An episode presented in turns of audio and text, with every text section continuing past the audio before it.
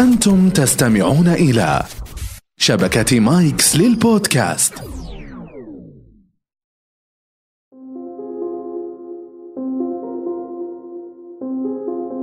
ويليام آلن رئيس شركة بوينغ بنى له كاريزما خاصة. ثم بعد ذلك أعلن سلسلة من الأهداف الجسورة والطموحة والكبيرة أبرزها صناعة بوينغ 747 التي تقطع المحيط الأطلسي ما بين نيويورك ولندن في ست ساعات وكان هدفا مستحيلا في ستينات القرن الماضي هل حقق الهدف؟ يا ترى هل فعلا المقولة التي قالوها والدراسة التي قاموا بها أن سبب اختراع هذه الطائرة بوينغ 747 كان كاريزما هذه الشخصية العظيمة؟ دعونا نبدأ في هذه الحلقة ونستمع إلى القصة سويا.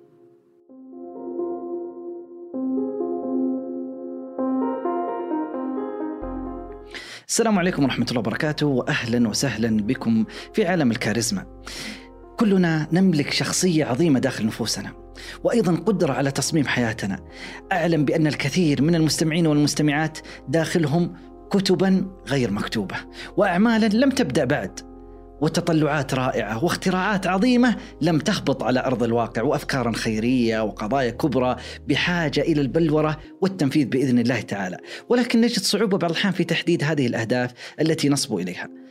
يا ترى ما هو هدفك الأسمى والأعلى والأقوى الذي تتمنى لو تستطيع تحقيقه؟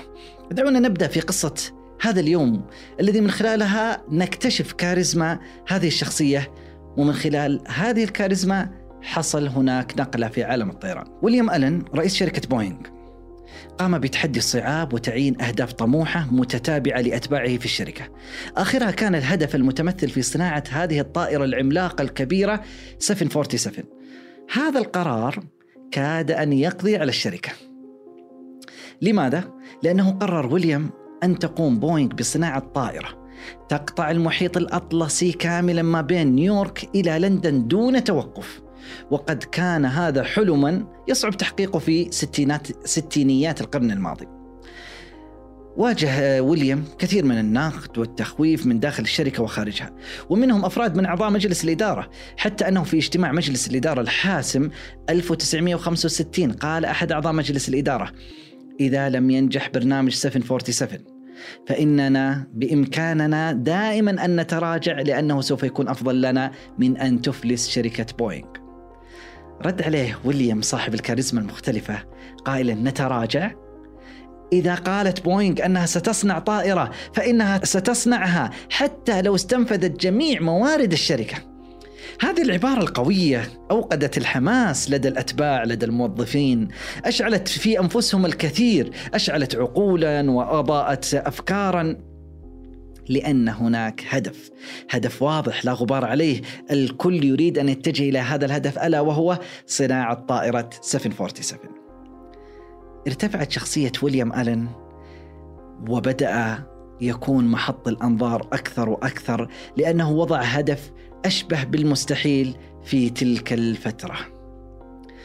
النجاح المنتظر ويليام لم ينسبه إلى نفسه أثناء اجتماع مجلس الإدارة لأنه قال إذا قالت بوينغ أنها ستصنع طائرة فإنها ستصنعها، لم يقل إذا قال ويليام أنه سوف يصنع طائرة، لا وإنما جعل المجد والانتصار سوف يكون للشركة وللموظفين، وهذا حال القائد وأصحاب الكاريزما كيف يحفزون الآخرين بأن ينسبوا النجاح للفريق وليس الأشخاص.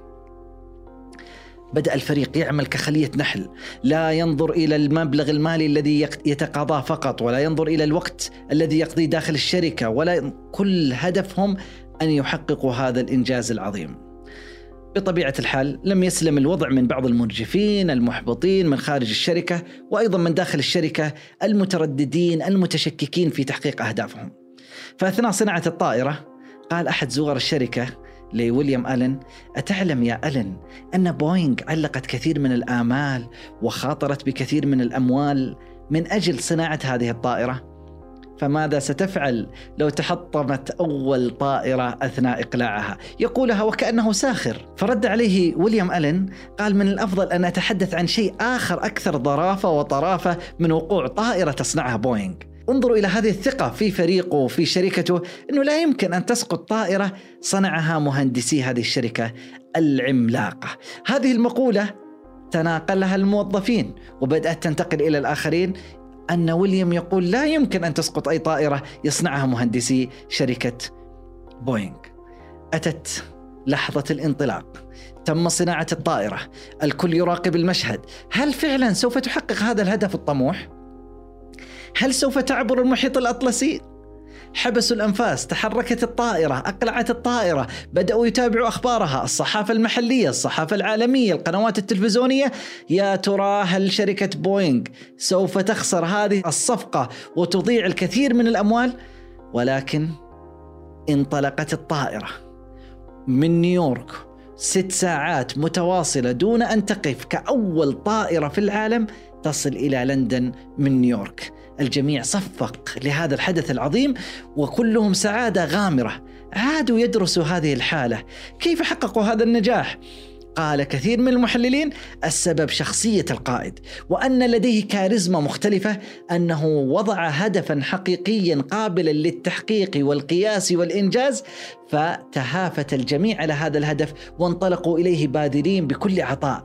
صاحب الكاريزما لديه هدف واضح ويحفز الآخرين نحو هذا الهدف ولذلك يستطيع أن يكون قائد فعال. ألم يحصل الكثير من مواقف في حياتك؟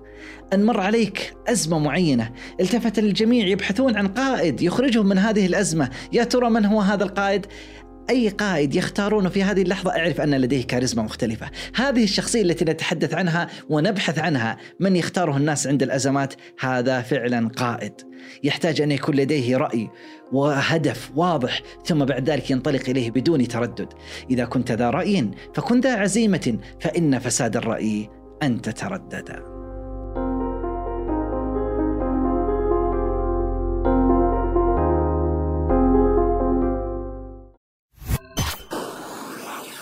مايكس.